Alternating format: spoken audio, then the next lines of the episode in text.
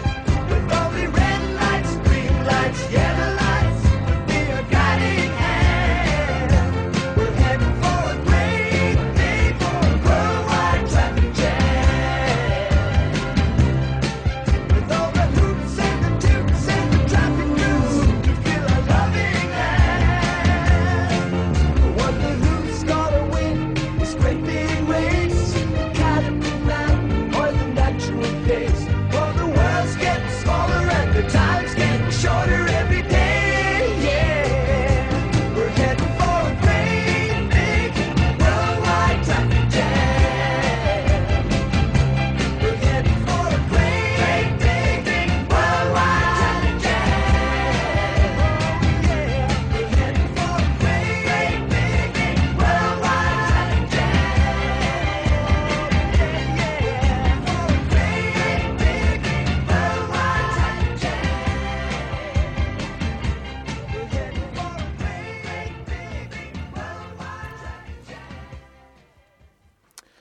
Traffic Jam. Äntligen har vi fått en egen signaturlåt Yes. med gruppen Sailor. Något brittiskt eh, 70-tals pop-prog. Helt fantastiskt. Ja, de var väldigt fina faktiskt. De har också sjömanskostymer på sig i videon. Så jag kan rekommendera att kolla på den på Youtube. Definitivt. Eh, det här är alltså Traffic Jam. Eh, Hampus här, Alex och idag har vi en fantastisk gäst i studion. Ja, Hej! Det är Sara. Sara Westin som vi ska prata mer med snart. Eh, men vi börjar väl med ett litet Vi har varit ute på lite grejer. ja precis. Vi var på eh, filmfestival på Arkitekturmuseet för ett par veckor sedan på tema plats och identitet. Det, det verkade som att den, den verkade verkligen jätteintressant när man såg den men jag tycker så här, sammantaget så blev det ändå något av en besvikelse. Det var, det var en, först var det en jättebra film om ett, Först var det en jättebra film om Kiruna faktiskt. Som inspirerade oss till att köpa biljetter och åka dit. Yes. Resan är på bokad staden. februari. Och en som heter Rymdvägen, Kiruna Rymdvägen. Som handlar om hur, hur säger man adjö till en stad typ. Eh, på ett väldigt konkret sätt. Det är inte så ofta folk får göra det kanske på det sättet. Och sen var det en om ett bostadsområde i St. Louis som eh, eh, Den hade du sett också Sara. Ja, Och ja, kan du uttala det? Jag tycker det var så svårt hur man skulle ja säga det det. är svårt. The Pruitt I-Go Myth. Just det, just det. Pruitt I-Go Myth. Och den var, ju, den var ju otroligt intressant. Det var alltså typ ett miljonprogramsområde som byggdes på 50-60-talet någon gång och sen revs man rev hela, dessutom livesänt på nationell tv. Ja, i, i, någon gång i början på 70-talet. Ja, 73 tror jag. Eller. Ja, så, och då var det en massa intervjuer med folk som hade bott där som, som fick berätta om hur det var att bo där och så. Och det var ju liksom, den revs ju med, i varje fall med motiveringen att det var så dålig arkitektur. Mm. Så att det, det skapade ett så dåligt liv för de som bodde där. Fast de som bodde där verkade ju inte ha tyckt att det var jättedåligt. Nej, inte i början tills eh, underhållet lades ner. Liksom. Ja, precis. Och det var väl på något sätt kontentan av filmen var väl snarare att det var så att staden inte fattade att om man bygger hus måste man också underhålla dem. Och därför så hade man ingen, ingen finansiering för att underhålla husen och de Ja. bara gick ner sig totalt. Precis, och ändå har det fått stå som en symbol för den misslyckade arkitekturen. Så det har blivit som en symbol för nu dog modernismen, nu är det, det var fel på arkitekturen, punkt. Ja, någonting som vi, vi vill få återkomma till senare i, i programmet när vi pratar om din avhandling som väl ganska, på, på många sätt ganska mycket handlar om huruvida ett, dog verkligen modernismen? Kanske inte om den gjorde det då eller inte, men om den gjorde det överhuvudtaget. Eh, och sen så var det en, en, en helt bisarr film om Detroit och Łódź i Polen. Riktig kalkon. Alltså det var, det var typ det sämsta jag sett i hela mitt liv. Jag kommer inte ens ihåg vad den hette. After, After the Factory hette den. Ja. Det var en massa sköna kreativa entreprenörer som fick prata om hur sköna de var. Typ.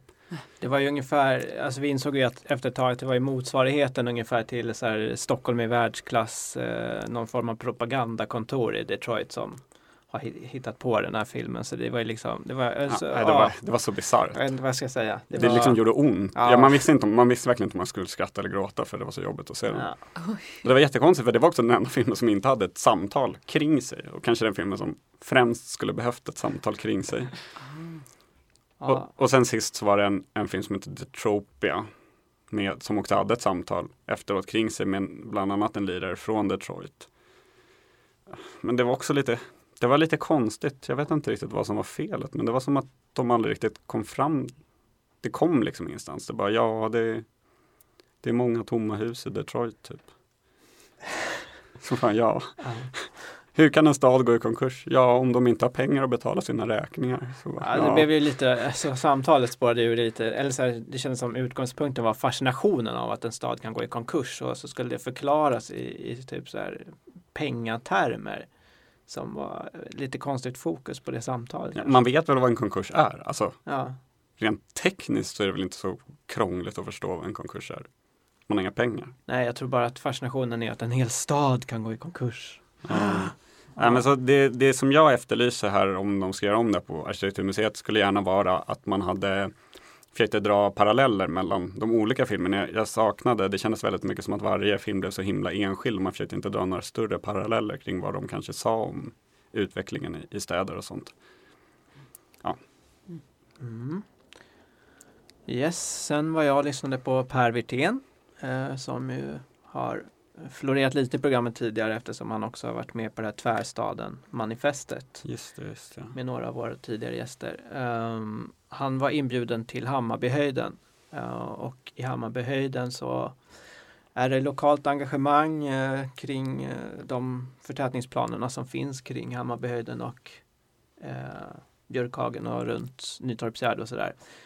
Och jag tror att det de kände där var väl att de de blir väldigt, liksom får ju väldigt mycket kritik mot sig, de som aktiver, är aktiva i området för att eh, och ifrågasätter de här planerna eh, för att de utmålas som nimbus och så här. De ville väl liksom att höja blicken och visa att det inte bara handlar om, om det och därför kände de väl att de ville liksom ta dit Per Wirtén som kunde kanske komma och eh, prata eh, lite större perspektiv och det tycker jag faktiskt han gjorde i, i ganska stor utsträckning också. Eh, och tog ganska mycket sin utgångspunkt i att ja, vilka tankar som fanns när man planerade de här områdena. Det finns kanske något av en historielöshet eh, och en väldigt förenklad bild liksom av, av, av vad de tankarna var. Eh, och att diskussionen skulle väl må bra av att, att man kanske pratar mer om vad, vad det var som formade områdena främst under 40 och 50-talet. Eh, och han pratade ju om mycket om att många planerare eh, vid den här tiden drevs ju väldigt mycket av ett engagemang som, som hade väldigt mycket att göra med andra världskriget och det som hade hänt. Eh, och att man faktiskt eh, uttryckligen också vissa tongivande planerare pratade om att man ville bygga en antifascistisk stad. Alltså man ville vaccinera man ville göra sitt bidrag för att eh, skapa miljöer som inte skulle vara en grogrund för det hemska som hade hänt under andra världskriget. Eh, och eh, han tog eh, ett exempel, alltså flera av förorter som han tycker är bra exempel på det här. Rågsved bland annat, eh, Gubbängen som och beskrev hur det är när man kommer ut från tunnelbanan, vad det finns, liksom hur, hur man rör sig genom området. Att när man kommer ut från tunnelbanan så finns det ett torg. Kring det här torget så ligger institutionerna, samhällsinstitutioner, det finns kyrka, det finns teater, bibliotek så vidare, kanske bio i vissa fall. Eh, och eh, bortom det så ligger allmänningarna som är planerade och som idag är väldigt bespottade men han tog ett ganska intressant exempel där. På internet hyllar man väldigt mycket allmänningar, creative, creative commons och så här medan i stadsplaneringen så är de bara någonting som många pratar om som är le- space left over by, by planning. Att det är liksom bara någon skräpmark men de är ju planerade där också av en anledning för att eh, platser att mötas på. Han pratade om att eh, i en bra förort så finns det ställen där ungdomar kan gå och tjuvröka.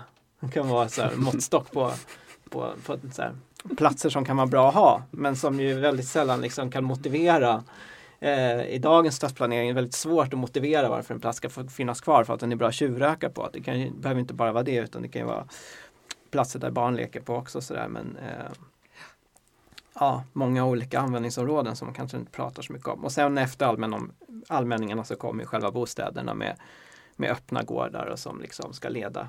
Alltså att det finns ett tänk hur man rör sig genom det här området och vad det är man möter. Tyckte det var ganska intressant att lyssna på. Mm. Eh, men sen så som sagt, eh, ja, han har ju varit ganska aggressiv också i, sina, i sin liksom, motreaktion mot dagens planering och så. Så att det finns väl, finns väl eh, spår av det också. Ja, jag kommer att tänka på det. Jag, läste en bok för någon vecka sedan av eh, den här sociologen från Göteborg som heter Håkan Törn. Eh, boken heter Stad i rörelse. Den är väldigt tjock. Men den var, den var ganska lättläst också.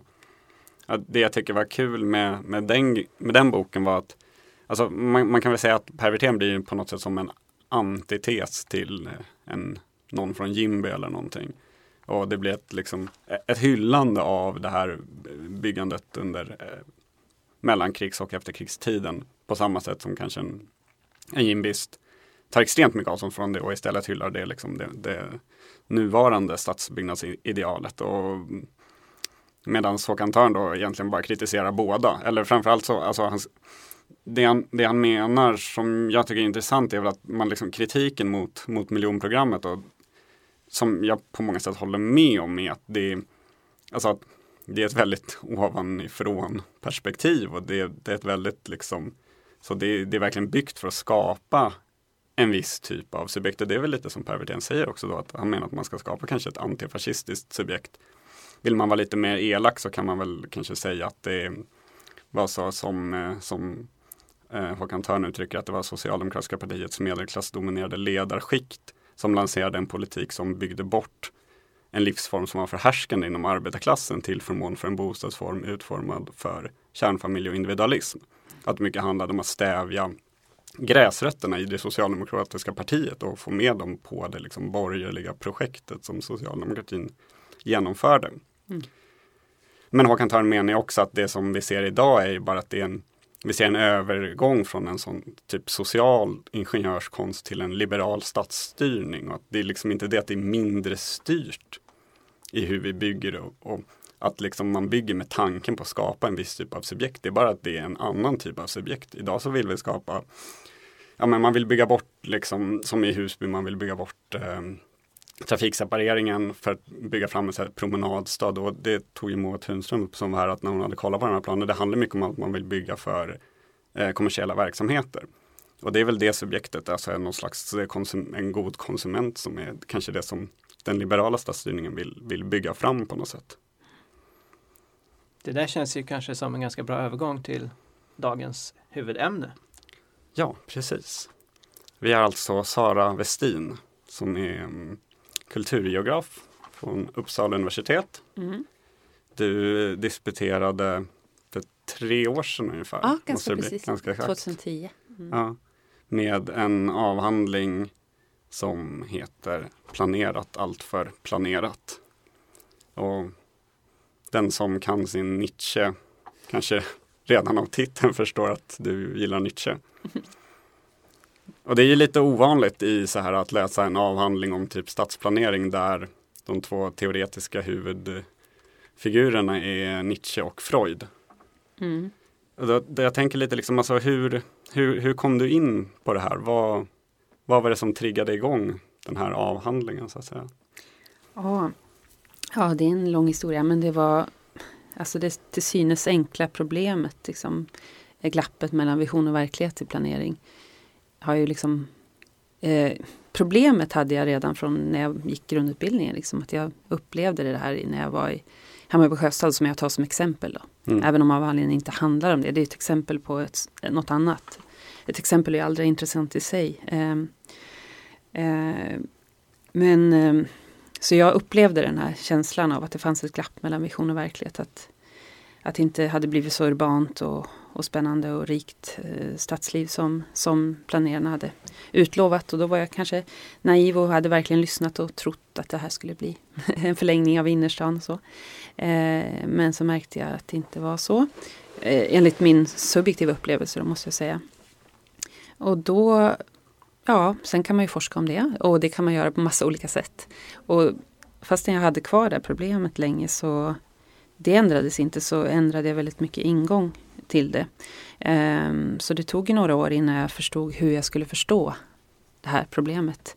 Eh, för min första initiala reaktion var ju liksom att ja men jag ska hitta ett, eller liksom skriva om hur man kan överbrygga det här glappet. Hur Mm. planeringen en gång för alla nu kan bygga stad. Liksom, alltså, eller nå sitt mål. Och så att säga. En nu, bättre planering. Ja, nu har jag förstått att det är ju det är så som många, mycket, många planerare tänker och även eh, konventionell eh, eh, eller planeringskritik. Att man helt enkelt eh, vill överbrygga det här glappet. Men nu mer jag läste om planering mer filosofiskt, gick in på vad planering är och att planering är ju inget annat egentligen än eh, ett exempel på mänsklig handling. Så i den meningen så är vi ju alla planerare, som jag skriver också i avhandlingen så definierar jag inte snävt som någon som har arkitektexamen eller så. Utan vi alla planerar i vårt professionella och privata liv. Um, så att det här glappet har jag förstått sen när jag läst Gunnar Olsson och kulturgeograf med um, som kan mycket om filosofi, skrivit mycket om det. Um, att det här finns ju i planeringens essens. på ett sätt. Så att det gäller att förstå det här glappet. Eh, tänkte jag mer. Och, och Nietzsche, hans filosofi om perspektivismen föll sig rätt naturligt här när jag började läsa honom. Ja, om man förenklar väldigt mycket, vad du ser beror på vad det står. Och hur ditt sinne, liksom, eh, tänkande är format. Så det, det strukturerar eh, hur vi, alltså höger för mig är vänster för dig och sådär. Eh, och det här har ju alltså, urbanforskare skrivit om mycket om eh, eh och arkitektkritiker, alltså om glappet mellan eh, det mer visuella då, planeringsprofessionen Mm. eh, och den här mer ja, eh, flanören som går på gatan eh, och eh, tar in staden på ett helt annat sätt och har helt annat, andra syften också med det. Så den kontrasten har väl funnits tidigare i litteraturen men vad jag gör genom att jag inspirerar inspirerad då av psykoanalys eh, är ju att jag ser de här motsättningarna mellan eh, till exempel den planerande subjektet är rationella, homofaber som jag pratade om, Eh, det visuella, eh, det vuxna tänkandet också, det logiska, den som liksom ser, som alltid gör någonting för att något annat, för sakers nytta. Eh, om man kontrasterar det mot den här andra då, subjektet, eh, flanören, eh, som är mer kännande och kanske mer homoludens, alltså vi, eh, den lekande människan eh, som inte har ett tydligt mål utan vägen är målet och så. Och att de här spänningarna är ingenting som finns i olika individer. Okej, du är planerare och du är planör. Punkt. Utan att de kan finnas till och med i alltså planeraren själv. I, i människan. Alltså människan det är ju psykoanalysens liksom grunduppfattning att det liksom är eh, människans liv och världen är konflikt. Liksom. Det finns en konflikt mellan olika delar inom individen och mellan samhälle och individ. Så det var, det var så jag eh, Också att Freud då, eh, i hans klassiska bok Vi vantrivs i kulturen eh, som jag då läste mer så här, privat för att jag, jag är intresserad av psyk eh, psykologi och så. så. Då verkligen klickade det fullt på plats. Hans kritik av liksom eh, eller kritik som är analys av individens utveckling så drar han ju paralleller till eh, hela kulturers och civilisationers utveckling. Att även civilisationer kan bli neurotiska så att säga. Och det här eh, liksom satte precis ord på det jag hade gått och liksom i, någon slags tankens poesi som jag inte hade satt ord på än. Så det var så. Det, det, och då fick jag liksom ett maskineri som jag bara spann vidare på. Ja. alltså det är, det är en otroligt, ja, jag måste verkligen säga att det är en otroligt kul avhandling. Eh, Den, den liknar ju inte många andra avhandlingar man läser, framförallt kanske inte avhandlingar man läser i, i det här ämnet. Även om ämnet kanske är kulturgeografi så vet jag inte så mycket om avhandlingar i det ämnet. Men om man tänker på stadsplanering och arkitektur så, så är den väldigt annorlunda. Ja. Jag hade ju någon idé om att jag skulle kunna skippa mer än halva för att det bara skulle vara en litteraturgenomgång. Och så skulle jag hinna läsa färdigt den tills idag, men så blev det ju inte alls. Utan jag har hunnit läsa halva, den första halvan. För det var ju aldrig någon litteraturgenomgång, utan den börjar direkt. Och sen, och sen pågår den Så bara. bara Så det, det, var en väldigt, det var en väldigt trevlig läsning och det var liksom hela tiden som jag bara jag bara snöade iväg i konstiga liksom, associationsbanor och konstiga tankar och hamnade någonstans helt annat än, än om det jag läste om. Liksom. Det blev jag glad över att höra. Att, att du tänkte att du fick igång dina egna tankar. Ja, och, men jag tänker att liksom, om man ska återgå till den här, den här Freud-prylen då så jag får en känsla av att alltså planeraren då, det finns någon parallell till överjaget. Just det. Och det är liksom den, den rationella delen av en själv som också du, du skriver någonstans att det, det är liksom människans in, inneboende tendens att göra sig själv olycklig. Ja, den kan, den kan göra människan olycklig om det blir för starkt. Mm. Som, som det är det ofta, han skriver väl det någonstans Freud, att eh, många patienter som sökte sig till honom, ehm, eller ehm, det kan ju vara massa olika anledningar, men att ehm, inte sällan beror det på att man har ett väldigt starkt överjag som har liksom blivit för starkt för sitt eget bästa. Liksom. Det har, ehm, för, för överjaget, det får man ju inte glömma att det har ju verkligen en omhändertagande funktion också. Alltså det, skulle vi inte ha det, alltså överjaget är ju samhället inkorporerat eller våra föräldrar inkorporerade, våra lärare inkorporerade så att säga. E, ett barn när det föds har inget överjag utan det är något man får. Så det föds på ett sätt så, om man säger att överjaget är förälder så att säga till jaget som finns i odetet så är ju, så kommer det ju kronologiskt efter jaget eftersom eh, man föds, eh, man är ett barn som bara vill ha saker, jag vill ha mammas bröst, jag vill ha, eller ja, plaskan. Ehm, eh, och sen lär man sig bli mer civiliserad helt enkelt och det är nödvändigt. Eh, men, men att det kan gå för långt så att liksom ehm, mm, disciplineringen gör att man blir för, eh, för hämmad eller Men kan, kan man vända på det? Vi har ju pratat en del om, eh, liksom, vi har ju försökt analysera, vi eh, som gör det här programmet, vi gillar ju ganska mycket oordning och övergivna, eller liksom bortglömda platser och sådana saker. Och eh, är det, eh, det, de som vill planera bort det, de som tycker att det är väldigt jobbigt med sådana platser, kan det handla om eh, någon sån här eh, liksom, eh, rädsla för det undermedvetna? Skulle man kunna liksom, ta det på den bogen också? Ja, kanske det. I alla fall det här rädsla för att förlora kontrollen. Eller, men också får man inte glömma att en planerare, eh, alltså om man ska planera, att planera in någonting oplanerat, det är ju liksom en contradiction in terms. Alltså det är liksom helt, eh, det går inte.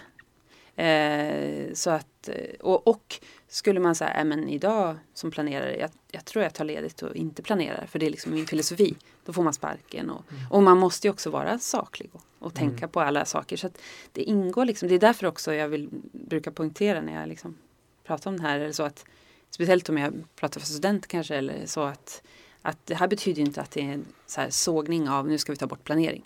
För oftast är man liksom kanske på A-kursen eller kanske inte har utvecklat riktigt sådär um, utvecklat sitt tänkande än så kanske det är ju individuellt men så kanske man mer vill ha en snabb lösning. Ja men vad, eller det vill ju många. Ehm, Politiker inte minst. Ja, absolut. Och, eh, Politiker ja, och de på och A-kursen. journalister. Ja, men jag Och jag journalister. generaliserar. Ja, men det är bra, nu börjar Ja. vi komma igång här. Nej, ja, precis. Men, ja. Nej men så här att, att, ja men vad vill du då? Eller Ja. liksom hur ska vi bygga och så? Och då känner jag verkligen, då känner jag ali- alienation från kontext. Jag vill inte, Mm. Jag vill inte vara där i den positionen. Det inte, Mm. Och det där är ju verkligen en av, en av liksom eh, polit, politikens liksom jobbiga jobbiga paradoxer eller vad man ska säga. Att, att man har den här idén av att alltså, det måste alltid göras någonting i varje fall. Alltså status quo, det får, det får liksom inte vara det utan man måste. Även om det är kanske bästa i många fall så känner jag ju generellt sett att det bästa vore bara låt mig, alltså, fan, låt mig vara i fred. Liksom. Alltså, ja, när de kommer och vill bygga här där man bor. Låt, låt oss vara bara liksom. Gör ingenting. Hellre att ni inte gör någonting än att, Mm. än att men, men då finns det liksom, det finns så, på något sätt så väldigt inbyggt i, i det liksom parlamentariska systemet vi har nu att det, det krävs. Ja, det är helt det krävs ju skrytprojekt, alltså det krävs ju efter fyra år. Du kan ju inte efter fyra år gå till val på att säga Kolla vi lät de här områdena vara och kolla vad fint det är där. Ja. Utan då, då kommer någon annan och säger varför satsade ni inte Vi vill satsa x miljarder på att Mm. jämna någonting med marken och bygga något nytt. ja, för att visa goda intentioner och för Ja. att visa visuella, det är det också. Och handlingskraft. Liksom. ja, precis. Gär- Gärna streck på en karta. Mm. Ja, Ska det vara helst. Vi vill Just bygga en det. till arena, så nu har man ju liksom, nu har vi ju våra två arenor så nu, nu ska vi, vi måste ha en till arena liksom. Och då blir det återigen bara så här, varför? Ja, men för, det kan inte stå still, vi kan inte nöja oss, vi kan inte nöja oss med två nej. arenor i världsklass inom citattecken här, utan då ska vi, vi måste ha en till arena. Också. Ja, och då får, då för, för uppmärksamheten från den förra har ju dött ut. Ja. då måste vi Ja, ha någon, eller så kanske det börjar bli för kritik i värsta fall. Och Ja, då exakt. måste vi ha nytt lyckat bygge. Men man vill ha ett projekt. Det är väl också kanske alltså, verkligen. rädslan för att vara sysslolös. Ja, men det är samma Mm. som man hör många psykologer och läkare som ger tips åt in, stressade barnför, eh, småbarnsföräldrar inför semestrar eller sådär. Alltså planera inte in så Ja, mycket. Eller så. För att man liksom, ja men jag kan ju inte bara låta barnen bara, alltså det kan ju vara en Precis. annan sak. Men det är, det är samma det här goda. Man måste planera för oplanerat också. Ja. Det måste finnas med i sin Google-kalender. Liksom. Faktiskt. Ja. Och det, det, det är väl helt enkelt det här som då eh, titeln på avhandlingen alluderar till på något sätt antar jag.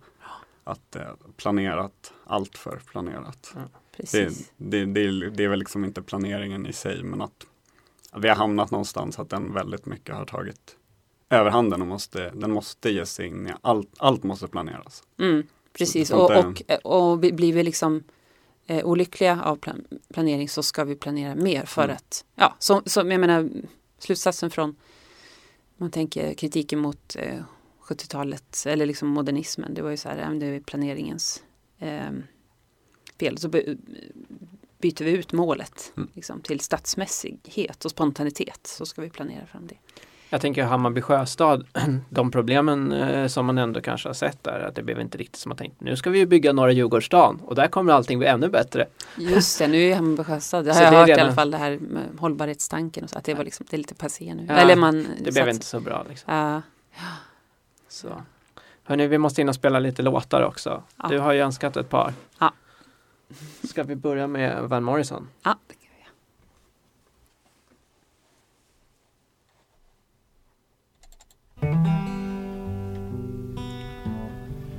det kan vi göra. Slim, slow slider. Horsey ride. As white as snow. Slim, slow slider. Horsey ride. As white as snow. Tell it everywhere you go.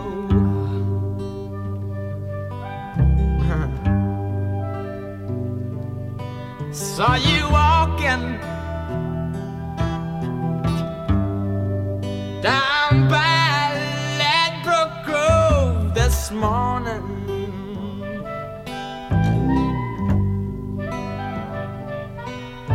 Saw you walking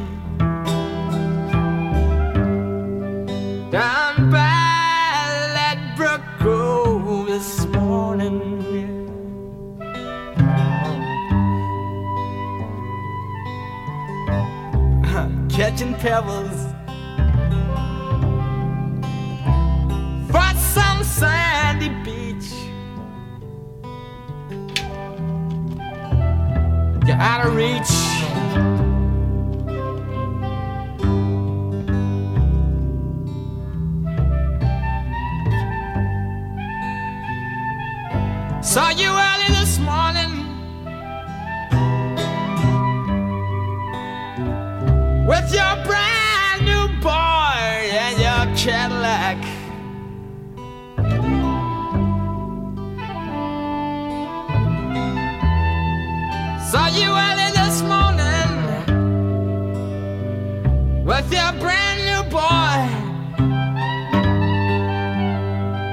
Cadillac. You're gone for something. And I know you won't be back.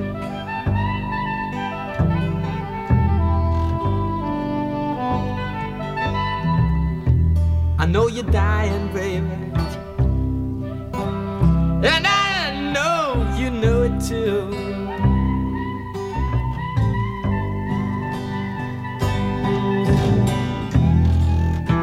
Know you're dying. And I know you know it too.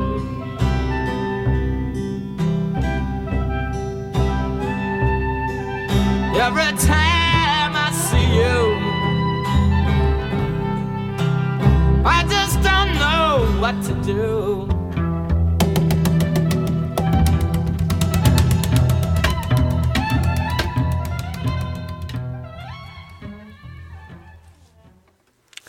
Slim Slow Slider. Vad, vad tänkte du här Sara? Ja, eh, jag fick ju önskan att låta här sa ni som har koppling till min forskning frågar ni. Men eh, och ja, den här skriver jag inte någonting om i, i avhandlingen eller så men jag tycker bara att den är eh, alltså Van Morrison är inte direkt det är inte för hans texter som jag har fastnat på honom. Det är liksom hans stämningen och rösten och musiken. Eh, men eh, han har sagt att den här låten handlar om a person who is caught up in a big city like London or maybe is on dope. eh, och det låter ju lite rimligt. Eh, men jag tycker alltid när jag är i London, det är inte så, det var ganska länge sedan nu, men eh, om jag går till exempel där Notting Hill, för han sjunger om Ladbroke Grove. I saw you walking down by Ladbroke Grove this morning. Eh, och då tänker jag alltid på den här låten. Och, och jag tänker på London när jag hör låten. Och det här bara, jag vill bara, jag tycker att det är städer och platser allmänt finns ju liksom i litteratur, i filmer, i eh, sånger och det ger så mycket. Det är liksom det här levda rummet som Henri Lefebvre pratar om, om man ska vara teoretisk. Eh, är liksom, spelar verkligen roll för hur vi, hur vi uppfattar platser. Eh, och, och, och det kan jag också använda som en kritik mot min avhandling. Till exempel att jag, att jag skriver att Hammarby sjöstad är att jag får en känsla av att, där, liksom, att jag blir kvävd, att det är inget liv där så att säga. Det är ju, jag menar, jag har inte bott där. Eh, har man bott där, har man varit kär där, alltså man har sin älskare, då, då blir det en hel värld. Det är som den här författaren Lawrence Durrell, eller Darrell, skriver i Alexandria-kvartetten, 57 kom den ut. Han säger en stad blir en värld när man älskar en av dess invånare. Alltså bara det här som människor, man kan tänka att planeringen kan göra hur tråkiga miljöer som helst, men människan approprierar också. Eh, och gör den till sin. Så att det liksom inte bara så här, okej nu är det kört. Liksom. Usch, jag tycker så synd om de som ska göra, jag känner så spontant, jag tycker så synd om de som ska göra Hammarby sjöstad till sin, sin värld. Men det är så men de vill nog inte bli klappade på huvudet. Nej eller? precis, alltså förlåt, det är verkligen bara så här min, alltså jag är uppvuxen i Stockholm och så här, det kanske är något helt annat för någon annan. Men det är så intressant att bara tänka, när du målar upp de bilderna så känns det helt skevt för mig.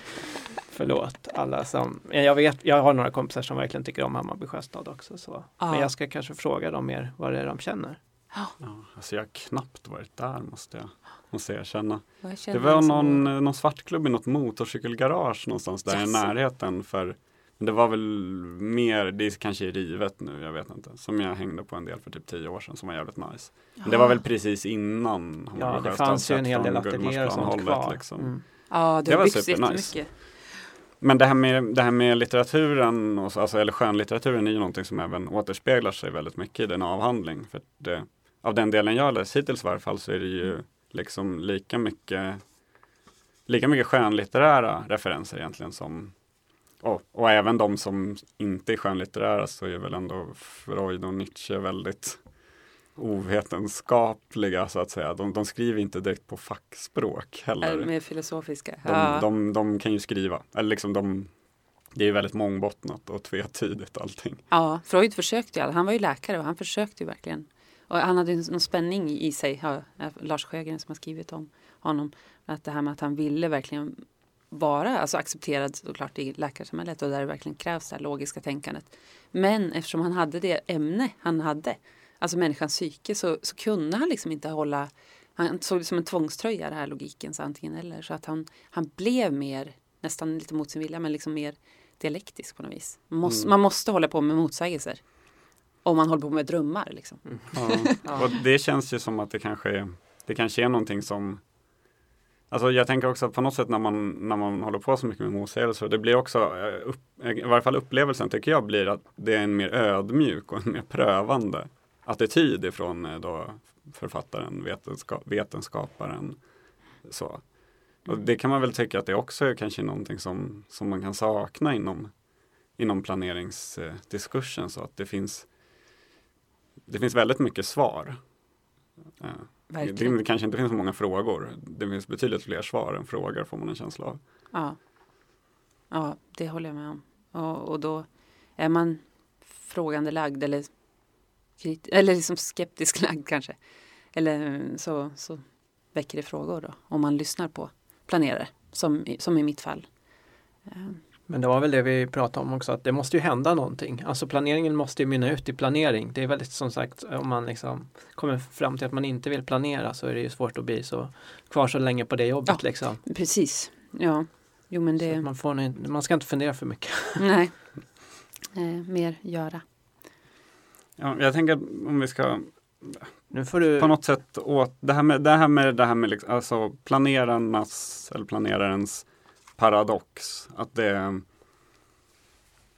att det, alltså det är ju alltså den grejen att man, du, du skriver att det som byggs är bilden av en stad. Eh, och det tangerar väl återigen det här då, alltså att, alltså att planeraren, delen av en själv som är planeraren är en väldigt visuell person Mm. som kanske inte använder de- sina andra liksom, intryckssätt lika mycket. Men jag tänker om man för man, man kan ju tycka att en, en planerare borde åtminstone i planen kunna, alltså när, när uppstår den här, det här glappet så att säga? Alltså, förstår du hur jag menar? Alltså, det är en grej att här, det är klart att det, det faktiska, faktiska byggda kommer ju aldrig bli exakt som det först tänkta. Nej. Men jag tänker även om man, alltså när man redan när man ser planritningar och sådana saker för nya områden som byggs så känns de ju redan där ganska långt ifrån eh, talet om vad de ska vara. Mm.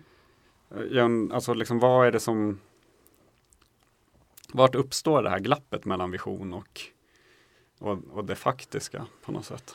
Ja, ja alltså man tänker bara planeraren, eller arkitekten som eh, filosofen John Dewey sagt, eh, att eh, arkitekten handikappad gentemot, alltså om man jämför med andra konstnärer. För arkitekten är ju ändå en, en konstnär, även om det är en ja, nyttokonstnär kan man säga. Men många identifierar sig som konstnärer och arkitekter. Och om man tänker, ja, det handlar riktigt om glappet mellan ritning och byggnad också. Man kan ju säga att är arkitektens produkt ritningen eller byggnaden? Ja, ritningen kanske många skulle hävda. Eftersom där släpper man det. Liksom. Och eh, om man tänker att en bildkonstnär eller en kompositör eller en, eh, eh, kan ju ändra eh, verket under tiden. Man, man kan lyssna, ah, men lite mer stråkar där, ah, ah, men lite mer färg där och sådär. Tills man blir nöjd. Medan en arkitekt, eh, när en arkitekt kan ta in sitt verk, om man nu säger att det är byggnaden, med hela sin kropp eh, i dess faktiska verklighet, då är det för sent. Ja, alltså, jag tycker det verkar vara ett sånt hemskt jobb. jag pratade med en arkitekt som är pensionerad nu han drömmer alltså mardrömmar om vissa av sina, alltså Han har gjort ett hus bland annat som har liksom blivit, in, eller både verksamheten som är där och jag ska inte berätta i detalj men Alltså det finns ett trapphus, han drömmer att det liksom roterar hela det här trapphuset och maler sig ner i jorden för han tycker det är liksom hemskt. Alltså allt som det där Oj. huset har blivit laddat med. Och, vad hemskt liksom att ha, så här, hans plan blir till någonting så otäckt. Vilken intressant Ja, det måste vara- psykologiskt ja också. men verkligen. symboliskt, han maler Den ner. liksom roterade på, ja han beskrev det där väldigt bra om, om apropå eh, intressant särskilt med så drömtolkning och det var väldigt jobbigt för honom Just det. vad, vad det huset hade blivit liksom. Ja. ja. Sen så tycker jag man märker många arkitekter när man går, att de har en förmåga att distansera sig till det som blev det klara liksom. Mm. Att de kan säga ganska lakoniskt här, ja det blev fruktansvärt. Mm. Så, och så får de så här, ta det liksom. ja. De släpper, som sagt, ritningen är ju liksom ändå Där, ta, där tar det Ja, jobb. precis. Ja. Jo, men jag kan tänka mig. Och just som, som vi sa förut, om man ska vara sådär jätte, liksom oj, eh, rädd för vad som kan hända med det man gör. Det går ju inte. Nej, nej, så man kanske, ja. Och sen eh, får man inte glömma att arkitekt, alltså samma som är som överjaget som har liksom positiva funktioner också såklart. Alltså det, arkitektur möjliggör ju verkligen eh, saker också och eh, kan verkligen skapa trygghet och ja, Mm. Eh, också. Verkligen. Mm. Men frågan är ju då om det är, du, du skriver ganska mycket om den här liksom expertrollen som, eh, som planerare och arkitekter får. Att det, det, det framställs som liksom någonting neutralt. Att eh, så här, så här är det bara. Vi, vi har räknat på det här inom, inom citattecken så att säga. Och att eh, även i liksom nu, det, är ju, det har väl ganska länge, kanske som någon reaktion på någon slags eh, kritik mot, mot det modernistiska byggandet varit det ska vara medborgardialoger och eh, jada jada hit och dit. Och det upplever väl, väl många att det inte fyller en så stor funktion egentligen. Att det, det blir väldigt svårt att påverka genom de här medborgardialogerna. Ja. Och det, det blir på något sätt att arkitekten eller planeraren är både den som bestämmer reglerna och förutsättningarna och dömer i, i matchen på något sätt. Mm. Liksom. Och dessutom är med och spelar. Mm. Ja, det, ja, precis. Den som tar hand om åsikterna och bestämmer vad som ska göras ändå. Alltså det är som eh, den som bestämmer i slutet. Ja. Mm. Jag tänker, skulle liksom har du, är det någonting du har funderat på? Skulle man kunna öppna upp det här då och få in, få in mer av kroppen i, som kanske en, om då, om då planeraren är, är ögat och den som ser det visuella bara och, och flanören och den andra, den personen som, som ska bebo själva miljön Mm. blir den som gör det på ett mycket mer fysiskt sätt. Ja. Alltså finns det något, skulle det gå att liksom tänka sig att skulle gå att sammansmälta Jo, de här vet- lite mer? vet jag faktiskt. Det, de skriver ju om, eh, om eh, alltså det här space syntax eh, forskningen som jag skriver om. Dit har du kanske inte hunnit om det. Nej, jag tror inte. Nej, nej, men ni har ju säkert hört talas om det. Eh, Ja, precis. Kan inte du bara kort beskriva vad Ja, det är? det är inte med mitt, alltså jag har inte arbetat med just den, de, den tekniken men jag har ju läst om teorin bakom. Det i alla fall utvecklades i, började i England. Det är Bill Hillier och Julian Hansen eh, som började eh, skriva om, alltså det är morfologiska undersökningar av eh, städer och hur rörelsemönster i städer. Så att Space Syntax är både en teori och en metod för att eh, förutsäga eh, ungefär hur en eh, byggd miljö eh, kommer att användas när det, när det kommer till rörelsemönster alltså.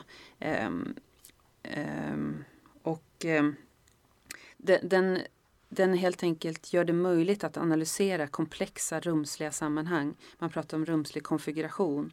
Och med konfiguration menas hur, hur vissa gator hänger ihop med andra gator. För sånt här kan vi inte se med blotta ögat. Det är därför jag kallar det för en revolution. Alltså. Eh, I Sverige så eh, forskar man mycket om det här på mm, KTH, arkitekturskolan, under ledning av Lars Marcus, professor Lars Marcus. Eh, som skrev en jätteintressant avhandling eh, år 2000 som jag kan tipsa om.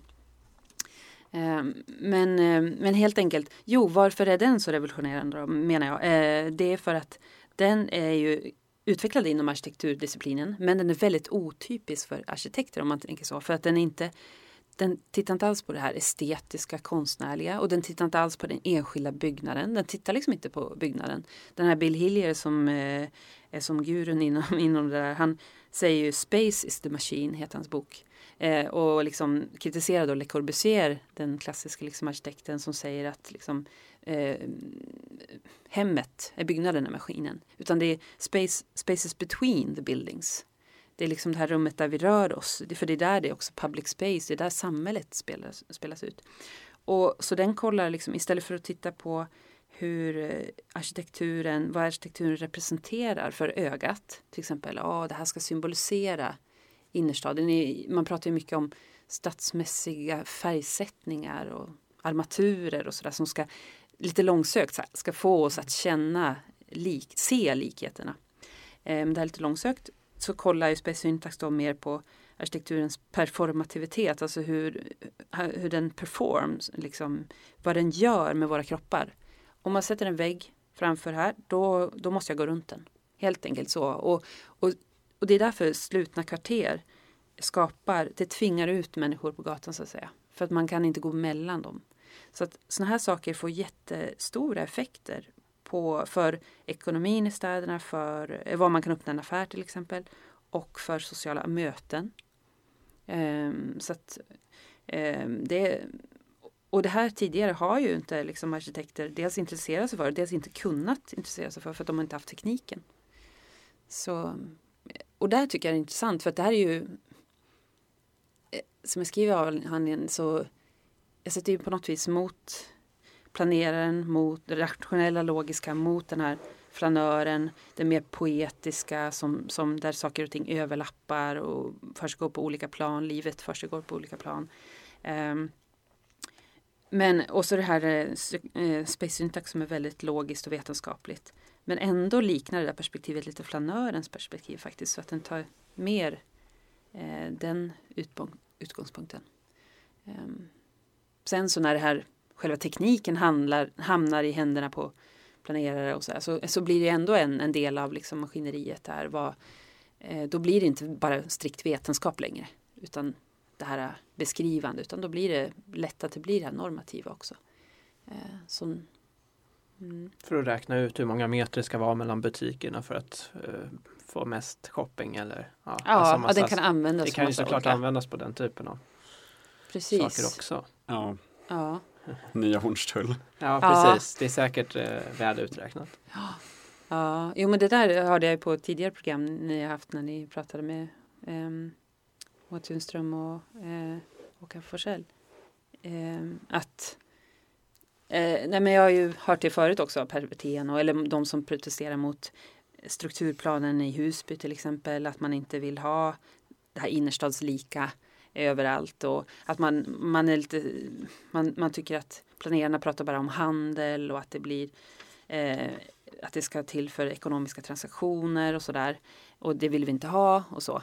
Det blir någon slags nyliberalt sådär. Men där tycker jag man, man ska inte hoppa för, eh, för eh, jag kan ju hålla med mycket av kritiken mot nyliberaliseringen av staden men man ska inte blanda ihop saker för där kan jag tycka att um, det är inte bara ekonomiska transaktioner som en, en tät stad eller, eller en eh, väldigt välfrekvent använd gata möjliggör utan det är även utbyte av möten, eh, utbyte av idéer och möten mellan kroppar. Det är liksom både där revolutioner kan starta och kärleksaffärer och ja, eh, erotik. Eh, liksom det, det, är inte bara liksom, det är inte, det är inte så att den täta staden är nyliberal.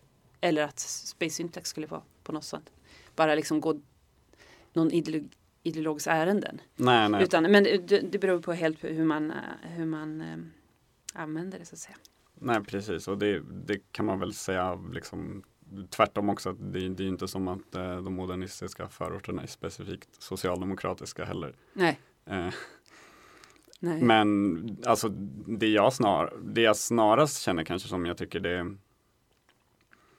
min största kritik mot den här idén av att man ska liksom göra innerstad av saker är att jag Alltså jag, jag, har, jag har svårt för den här, den här totaliserande idén av att det finns liksom Det finns ett recept som kan skrivas ut Oavsett om det finns en sjukdom och vad den sjukdomen skulle vara så finns det ett botemedel som vi vet redan innan vi Alltså det blir, det blir väldigt kontextlöst. Man, alltså man, man kan liksom veta, man kan se på en karta så här, ja, så här ska vi bygga det här området. Man behöver inte ta sig dit och titta på hur folk lever och hur folk har liksom approprierat det här området. Ja, Och där kan jag tycka lite kanske också att det är sådana här Alltså det är, det är ju väldigt lätt att typ så här tycka att det är deppigt i många nybyggda områden. Alltså Södra stationsområdet höjde upp också.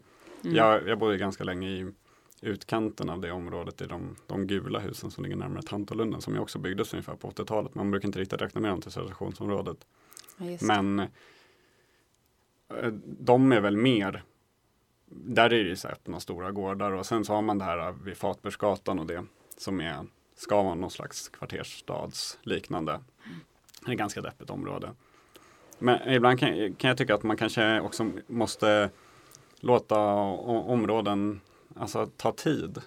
Att det, det är en väldig stress att eh, här blev, det här blev dåligt. Eh, bara, om man tänker på den här grejen i St. Louis, nu river vi skiten liksom, direkt. Nu river vi bara. För, jag tänker, alltså jag som bor i Rågsved och är uppvuxen på eh, punkmusik så så det, är liksom det första jag tänkte på när jag flyttade till Rågsved var Ebba Grön såklart. Mhm. Ja, det finns inget att göra i den här trista förorten och så vidare. Samtidigt som nu för tiden, alltså jag går ju oftare på klubb och konsert i Rågsved eller Högdalen eller Hagsätra än vad jag gör i innerstan. Jaså? Ja. Jag, jag har massa kompisar som jag känner där det händer mycket mer kul politiska prylar än vad som händer i innerstan. Och jag tror kanske att det bara är så att det, det tar ett tag för folk att bebo ett område. Man kan inte tänka att det från dag ett man flyttar in, precis som det tar tid för träden och, som man planterar att växa upp. Och Ja. det är den här klassiska kritiken mot Skärholmen att det var så fult för att liksom, ja, man hade färdigställt husen men gräsmattan hade inte hunnit växa fram. Just det. Mm.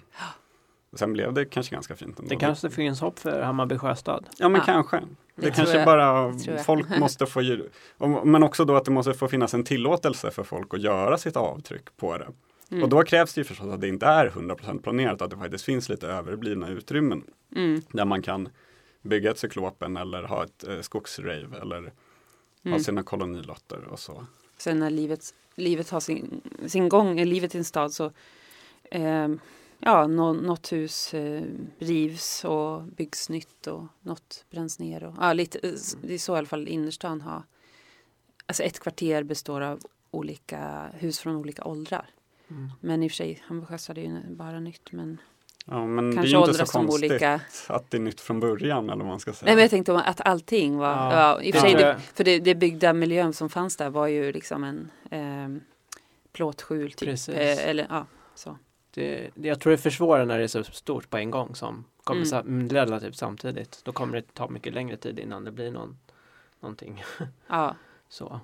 Men jag tänkte, du nämnde ju Husby Alex, vi ska hinna prata lite om det också för du har ju ett nytt projekt Sara Mm. som rör Husby just. Mm. Kan du berätta lite om det? ja nej men det är liksom på det här ehm, temat eller som när innerstadsidealet kom till förorten. Eller nej, eh, jo det, det är så jag benämner liksom, den själva ämnet. Ehm, nu håller jag på att ehm, Ja, jag är, jag är verkligen i, i startfasen av det så att jag har inte så mycket resultat så att säga. Men jag kan ju säga vad det var som eh, fick igång mig på det. Det var ju liksom eh, Jag blev fascinerad av protesterna mot eh, borttagandet av trafiksepareringen som jag vet att ni pratade om eh, tidigare eh, avsnitt med Moa Tunström. Eh, som hon sa så eh, planerarna blev lite tagna på sängen. Jaha, vill inte alla bo så här liksom? Eh, Alltså med gator med blandad trafik som i innerstan. Mm. För det här är- det är så fascinerande hur eh, det som ja, innerstan var slummen då när man byggde miljonprogrammen.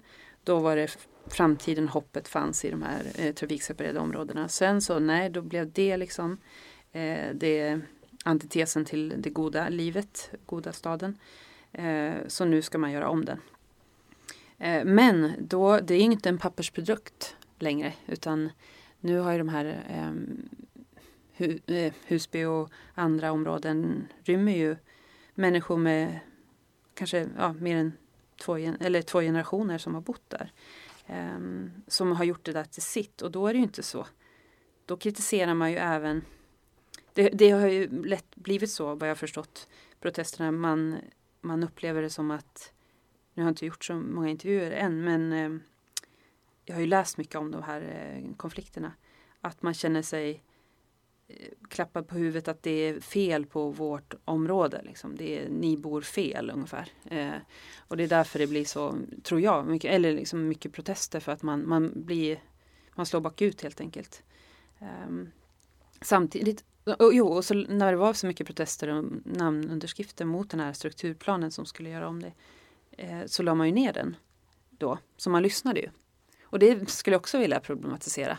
För att då är det så här, jaha men jag liknar det lite grann, jag, eftersom jag liknar det här individen växer upp och i min avhandling det här psykoanalytiska perspektivet och eh, jag drar paralleller hela tiden mellan hela områden, kulturer och samhällen och individen.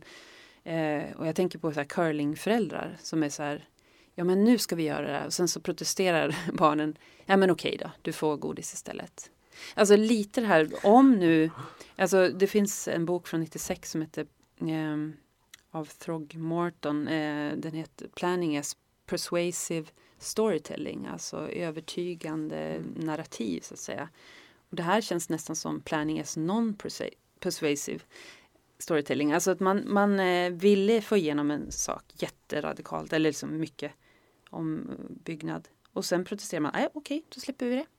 Men då är det så här, men om ni planerarna ska ju ändå, samhällsplanering ska ju ändå ta det här stora Mm. begrepp, begreppet och det har man gjort av en anledning att man till exempel vill integrera mer olika områden. Mm. För att det skulle bli bättre, det är inte bara affärer som ska dykas upp för, äh, dyka upp då för handel utan det är ju även arbetsmöjligheter eh, så, och integration kanske mellan olika grupper och så. Så att det här med att man har släppt det bara, det är ju inte heller liksom bara, ja nu har folket vunnit så att säga. Plus att eh, tycker alla att det var så dåligt. Så, så att det finns massa frågor som jag tycker är intressant som det här um, um, projektet väcker. Liksom.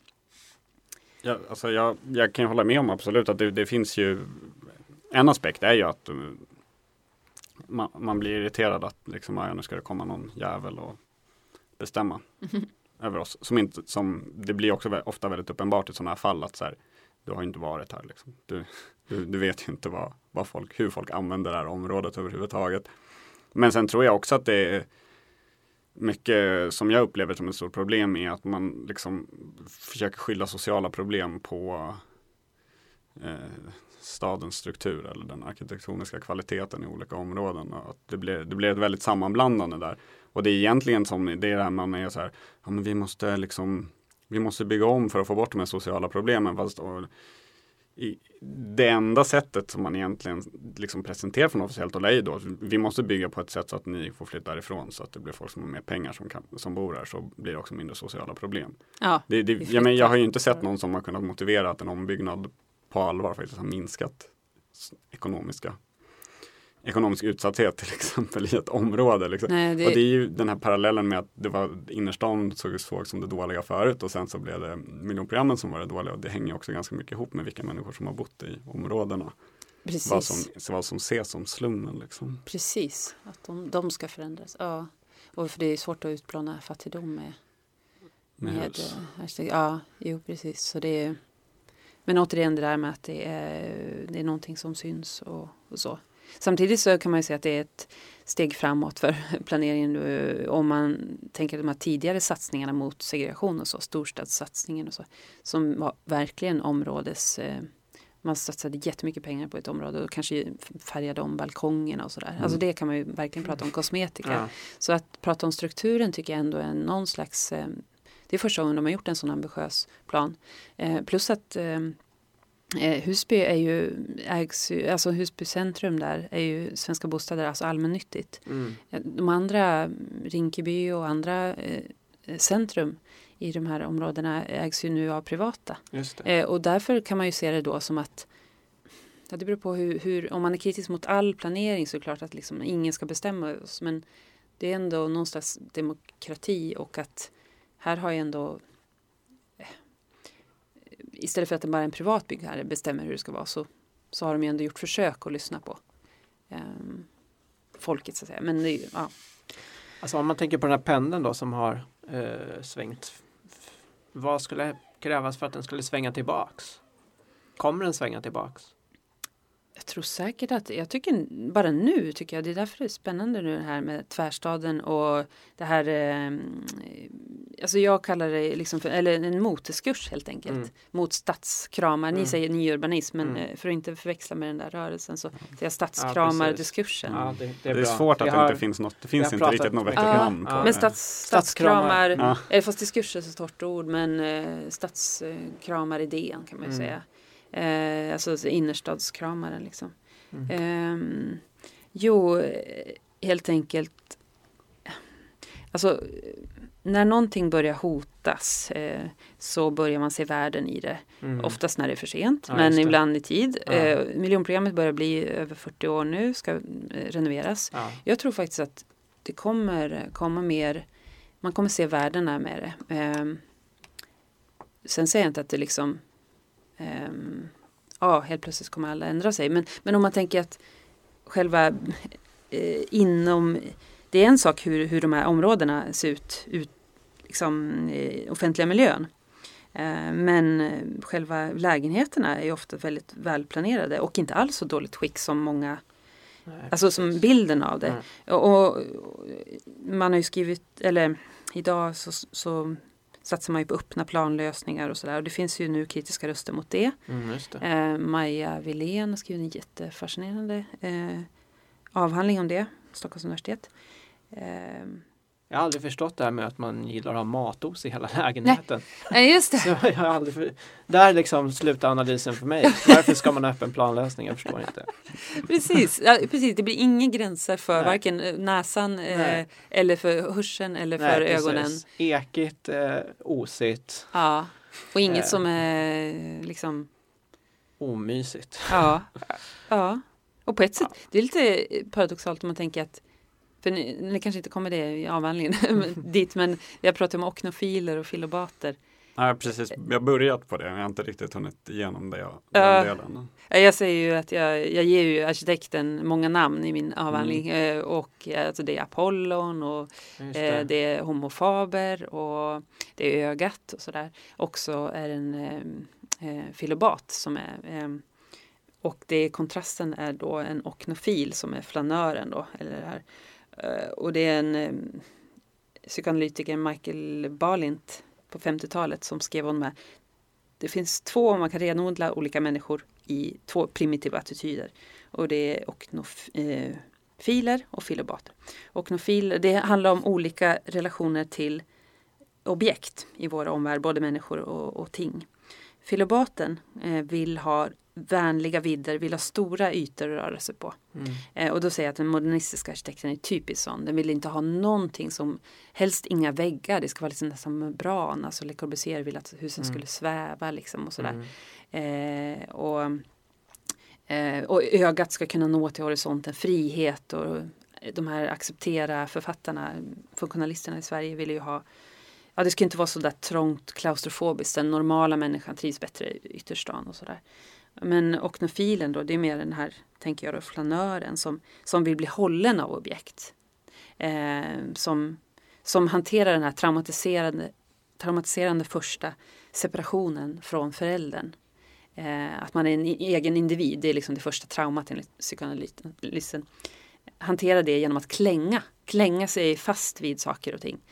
Om man tänker Gamla stan, då får man gå liksom med massa, man känner sig hållen och sådär. Då har man också agorafobi. Liksom.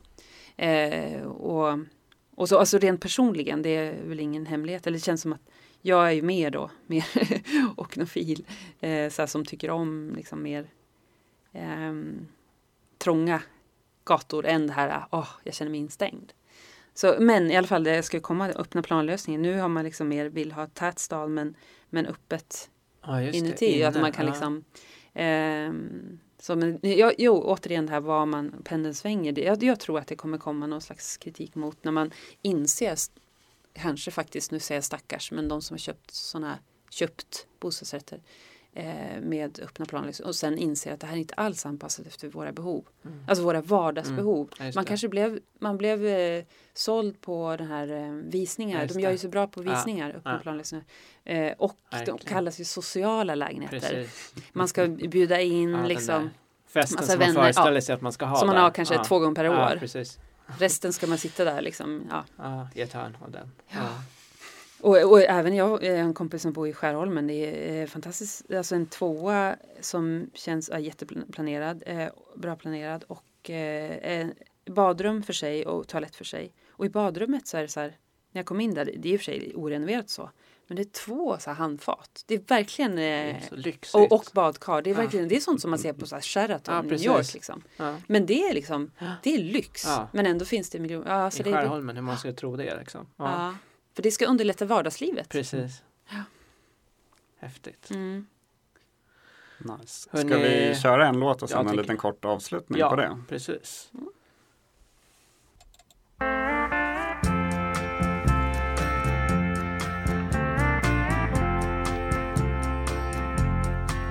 Well, I sold the farm to take my woman where she longed to be.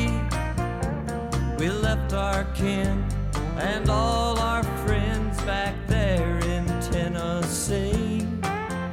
Then I bought those one way tickets she had often begged me for.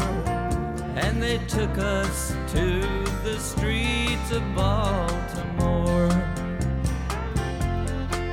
Well, her heart was filled with gladness when she saw those city lights. She said the prettiest place on earth was Baltimore at night.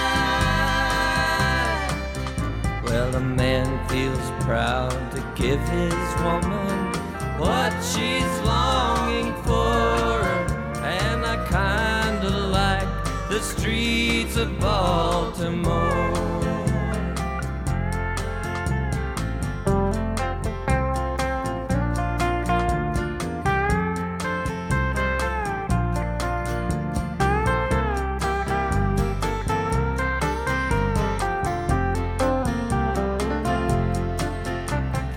Got myself a factory job.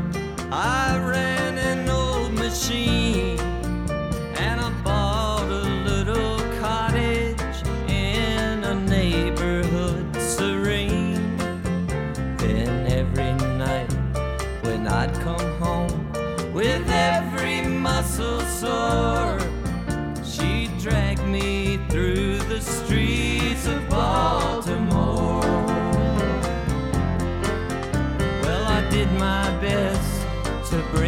Back to what she used to be. Then I soon learned she loved those bright lights more than she loved me. Now I'm a going back on that same train that brought me here before. While my baby walks the streets of Baltimore.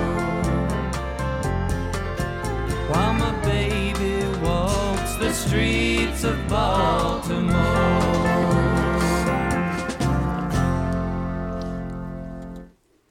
Streets of Baltimore med Graham Parsons. Varför valde du den? Just det, varför valde jag den? Jo, men jag tycker den är, ehm, den är ju lite gammal. Den skrevs 66 eh, ehm, av Glazer och Howard. Det var inte Graham Parsons. Men spelades in av honom 73. Eh, jo, men jag tycker den är eh, hans fru där som han väldigt så här eh, paternalistisk ska ta hand om och ge vad hon vill ha och så. Och så flyttar de in till stan. Hon älskar Baltimore eh, more than she loves me. Alltså, och så flyttar han ensam hem. Jag tycker bara den, den är också lite talande för jag tror alltså statistiskt, nu har jag inte färska siffror men jag vet jag är från Norrland och så här, jag vet att många eh, orter, kvinnorna har en tendens att flytta.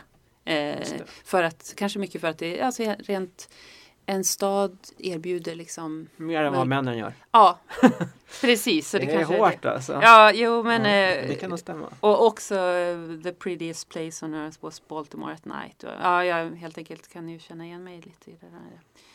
Och att hon förändras, det tycker jag han är störande. Jag försökte få henne tillbaka vad hon var förut och sådär. För att också en stad där man kan förändras och möta massa olika grejer. Tycker jag. Om man nu ska teoretisera kring en. Det- Det tycker jag att man Och så är den ska. Den var fin också. Den är jag har inte hört den förut. Och det finns ju helt klart evidens tror jag för det där. jag kan i alla fall säga att det finns empiri kring det där, absolut. Ja, och det, det säger väl hur, hur viktigt det är också att, att komma ifrån. För det känns ju som att det är någonting som, som vi fortfarande lever kvar väldigt mycket i hur man tänker hur man bygger. Att man bygger ju verkligen för en viss typ av liv. Mm. Och det, det ges ganska lite utrymme att eh, leva andra typer av liv i, i, i de hus som byggs. Ja. Det finns för mycket lägenheter i liknande storlekar och, och så vidare. Det, det är väldigt svårt på hyresmarknaden och, även på bostadsrättsmarknaden att ta sig in om man inte är ett eh, par som lever under samboliknande förhållanden. och Sådana Ah. saker till exempel. Ja, fast jobb. Ja, ja. ja. Nej, precis. Jag tänkte vi skulle avsluta lite med att prata om det här med eh, trygghet som är någonting du, du skriver om i, i boken också. Du, eh, du, du, jag kommer inte exakt ihåg vad det var för person du refererar till men det, det var någon som tog fram en, en idé om vad, vad som kallas för defensible spaces någon gång på 70-talet. Som, eh, som sen har blivit liksom den nästan hegemonisk inom inom all form av politik skulle man kunna säga, inte bara inom stadsplanering. Men den här liksom extremt vaga idén av att man motiverar saker man gör med att det ska öka trygghet på något sätt. Mm. Ja, eh, ska jag kommentera? Eller, jag, jag skriver inte så jättemycket om det, men perspektivet på jag menar, trygghetsåtgärder dels ofta blir eh, förtingligande så att man glömmer mycket av eh, kanske mer existentiella frågor som inte går att låsa fast. så. Men också, jag skriver ju till exempel att det kan vara eh, diskursen om kvinnors rädsla. Det finns ju forskningsfält eh, i kulturgeografin och sociologin som tar upp det. Och det här problematiserar jag och jag, jag, jag pratar ju om flanören som en hon helt enkelt. Inte bara för att jag, författaren, är liksom en kvinna men också för att jag provoceras lite av det här eh, och det har ju andra kritiker före mig. Det här att kvinnor ska skyddas från staden. Eh, och det här, den här låten vi nyss hörde också, Hon älskar ju staden. Eh, för det reproducerar den här bilden av att eh, kvinnor eh, ska vara i det privata och män är det offentliga. Staden är för män. Virginia Woolf till exempel, hon, hon ville verkligen vara i, i staden och sådär. Så att eh, vad Jo, och det här gör ju att en normal kvinna är en rädd kvinna. Eh, och så. Och då får man skylla sig själv om man inte är det. Eh, men så att, att, att vara fri att slippa skyddas på något vis. Alltså det här låter ju jätte, man kan ju tolka det, läsa det fel om man är illvillig. Men eh, det är i alla fall det perspektivet jag har mer på trygghet. Sen har jag efter avhandlingen kommit in på mer, när jag forskat om renoveringen av miljonprogrammet, verkligen kommit in på så här saker, hur mycket eh, tomma ord trygghetssatsningar är. Att eh, man kan komma in, eh, byggföretagen kom in, fastighetsägarna, nu ska vi göra om trygghetsåtgärder. Vi ska byta lås och lampor i källaren. Det är liksom det det eh, eh mynnar ut i. Medan det här eh, existentiella tryggheten, var kommer jag kunna bo kvar i mitt hem? Det, det tänker man inte på. Alltså, det känns nästan inte som, alltså det känns som att allting går att motivera med trygghet idag. Mm. Alltså på så många plan, allting i alla fall i fysisk miljö. Vilken åtgärd jag än ska göra så är det ju för att det ska bli tryggare. Ja, för att ingen, ingen kan hävda att ja, men jag vill inte ha trygghet. Nej, då- exakt. ja. Det Och allt, allt liksom allt, allt talet om trygghet är, är väl också mycket, alltså det, det skapar ju en känsla av otrygghet som, som det inte finns någon liksom, alltså man, det finns ju inga belägg för otryggheten. Just det. I, alltså otryggheten i det offentliga rummet. Det finns ju inga belägg i princip för den. Men, och det är ju ändå bara, Alltså det känns som att, alltså det känns ju så absurt att man, jag menar, hur många årtionden har, har, liksom, har det inte liksom konstaterats och försökt sägas från den feministiska rörelsen att den farligaste platsen är i hemmet. Just det. Tillsammans med din partner. Mm. Just det. Men det, det kommer liksom aldrig in. Trots det så bara det bara liksom går på repeat den här grejen att det liksom är vi måste ha starkare belysning utomhus. Ja. Bel- belysningsbranschen ordnade ju en eh, tävling där man fick eh, sätta ut lampor på en karta eh, på webben vad man tyckte var otryggt så skulle de belysa de platserna. Jaha. Då satte jag på en random plats och skrev vardagsrummet. Gud vad roligt. Ja, jag vann faktiskt tredje pris eftersom eh, de var väldigt oroliga från eh, belysningsbranschen att det skulle gå för bra för mig. För det var ju folk som var in, man fick vara inne och rösta. Ja, för då hade du bara Eh, helt Ja, precis. Jag, stuckit hål på det. jag kom inte etta men jag kom i alla fall trea och det var någon Ja. från belysningsbranschen som hörde av sig och ville prata med mig om det här för den förstod inte alls vad jag menade. Oj, vad intressant. Jag skrev liksom att den farligaste platsen är ju i hemmet. Så att, eh, jag blev så förbannad på att de fortsatte att spä på den här otryggheten genom att liksom Ja. driva den kampanjen. För vi, de tjänar ju pengar på det liksom. Ja, och jag, jag kan ju snarare känna att det är sådana miljöer som, som ofta kan kännas väldigt ot, alltså, in, otrygga är väl fel ord, men det kan kännas väldigt otrevligt i varje fall i, i miljöer med väldigt, väldigt stark utomhusbelysning. Ja, för det blir ju också det här panoptikon lite grann då. Så, eh, Ja, Alltså barn, om man tänker, ja, här här ska ni vara trygga. Och så vill man på något vis ha också. Eh, alltså, det är det också, man blir ju provocerad av att man ska vara så himla... För livet är ju inte... En stad är ju inte bara, det kan aldrig bli någonsin helt tryggt. Livet kan aldrig bli helt tryggt, för då blir det, ja, som Freud säger, tillstånd som liknar döden. Liksom. Det, då, då har vi grävt vår egen grav, liksom. vill vi det? Ja, jag tror vi måste nästan ha ett helt program om, om trygghet. Jag ska inte ens, don't get me started säger jag bara. Så för att, eh, ja, det, det är ett stort problem. Eh, men det var en, en grej som jag som var lite i samma stycke ungefär, eller samma del av boken som det var när du, du skriver lite om, om rätten till staden då utifrån Le, Lefebvre, hur, hur man uttalar hans namn. Lefebvre med v- Ja. V med. Ja, det där är en sån där bok man tänkte att man ska läsa någon gång i livet. Production of Space, men den ser så lång ut. Och på engelska. Så jag har inte kommit dit än. Men då, då skriver att rätten till staden, att den, den kanske, kanske främst, eller åtminstone mer än vad vi uppmärksammar är sprungen ur en emotionell snarare än en materiell eh, fattigdom. Mm. Och det, här, det tänker jag att det kan liksom lite hänga ihop på något sätt. Man skapar liksom den här um, myten om det farliga den farliga offentligheten. Ja. Vilket då liksom tar ifrån folk deras liksom vilja att, att röra sig i staden också. Ja, ja absolut. Ja. ja, och sen har ju han eh, liksom eh, marxistiska, alltså eh, det är ju politiskt eh, eh, tankesystem som han som han utvecklar också. Och jag tolkar den, eh, alltså jag, jag, är jag är inte så ingående i just studie av, det.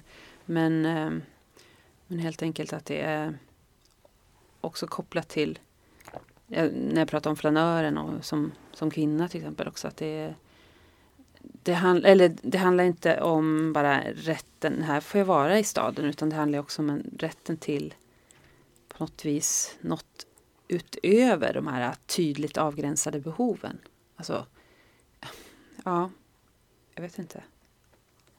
Um, det är svårt att, att sammanfatta. Vi kanske bara ska spela en låt helt enkelt. Mm. Vad säger du Alex? Har du någon sista? Eh, nej, men det där var nog den Har Det var du- den sista på min lista. Ja. Jag, vi har i och för sig hoppat över ganska många för att det skulle aldrig hunnits med allihopa. Men så, så får det väl bli. Vi tackar för oss. Ja, Och tack för att du kom hit. Tack Sara, för pratstunden, det var trevligt. Vi ska spela London. Ja, just det, med Frida Hyvönen. Som vi har, har skrivit förut, men du skriver om den i din bok också. Just det, jag Så det citerar känns ju väldigt passande. Henne, ja. ja, den är häftig. Ja, den är otrolig. Dessutom är det bara en klockren poplåt. Exakt, både text och musik. Mm. Mm. Upside down to Italy and then again England. London, you're now friend, but you can